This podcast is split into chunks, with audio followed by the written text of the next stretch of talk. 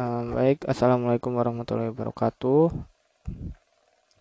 Pada kesempatan kali ini saya akan menjelaskan um, tentang konsep analisa investasi pada peer-to-peer -peer lending. Um, berikut konsep finansial teknologi peer-to-peer -peer lending. Ber peraturan Otoritas Jasa Keuangan nomor 77 uh, eh, garis miring POJK nomor 1 garis miring 2016 tentang layanan pinjam meminjam uang berbasis teknologi informasi menjelaskan. Um, bahwa layanan pinjam meminjam uang berbasis teknologi informasi itu atau bisa disebut peer-to-peer -peer lending adalah eh, penyelenggara layanan jasa keuangan untuk mempertemukan antara pemberi pinjaman dengan penerima pinjaman dalam rangka melakukan perjanjian pinjam meminjam dalam mata uang rupiah secara langsung melalui sistem elektronik uh, dengan menggunakan koneksi internet.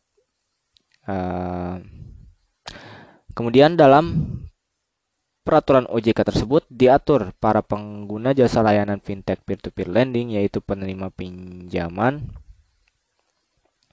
dan pemberi pinjaman. Penerima pinjaman harus warga negara Indonesia atau Badan Hukum Indonesia. Sedangkan pemberi pinjaman dapat berasal dari dalam dan luar negeri.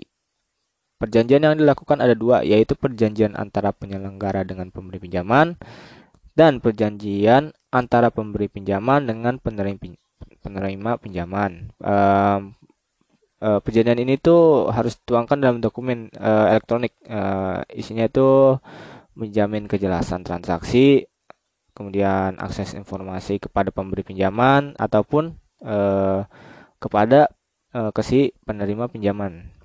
Hmm Dokumen elektronik itu perjanjian yang dilaksanakan dengan menggunakan tanda tangan elektronik yang mengikuti ketentuan peraturan perundang-undangan yang mengatur.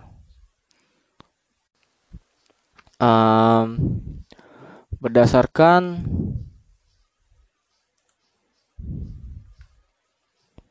uh, berdasarkan uh, adab etika bisnis Islam dalam analisis 14 poin uh, fit FTKK um, yang pertama itu ada siapa pun penyelenggara fintech peer-to-peer lending yang yang ada tidak boleh menjamkan uang murni hanya menjadi perantara.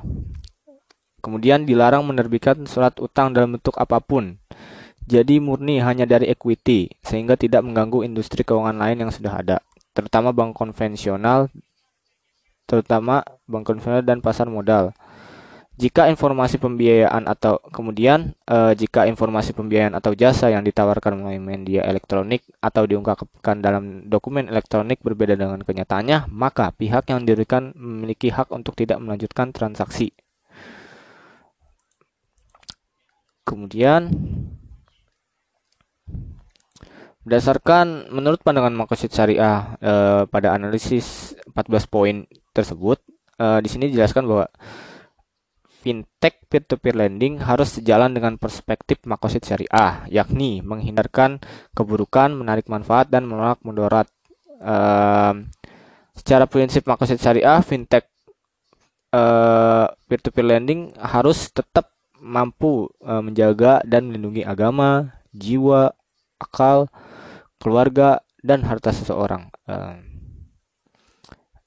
di dalam fintech peer-to-peer lending ini tidak boleh terjadi yang namanya kezoliman yang bersumber dari riba dan akad-akad yang tidak masuk ke dalam kategori syariah.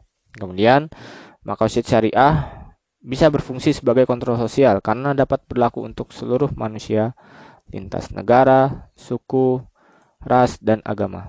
E, kemudian, eh, akad-akad fikih yang ada pada peer-to-peer lending ini itu ada akad munarobah, akad musyarokoh, dan akad, akad wakalah bil ujroh.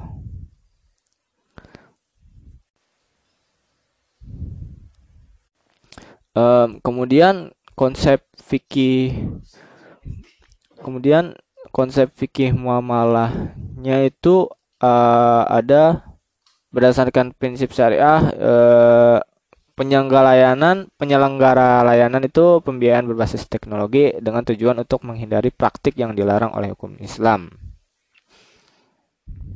Uh, cukup sia cukup sekian uh, penjelasan dari saya. Pada kesempatan kali ini kurang lebihnya mohon maaf. Wassalamualaikum warahmatullahi wabarakatuh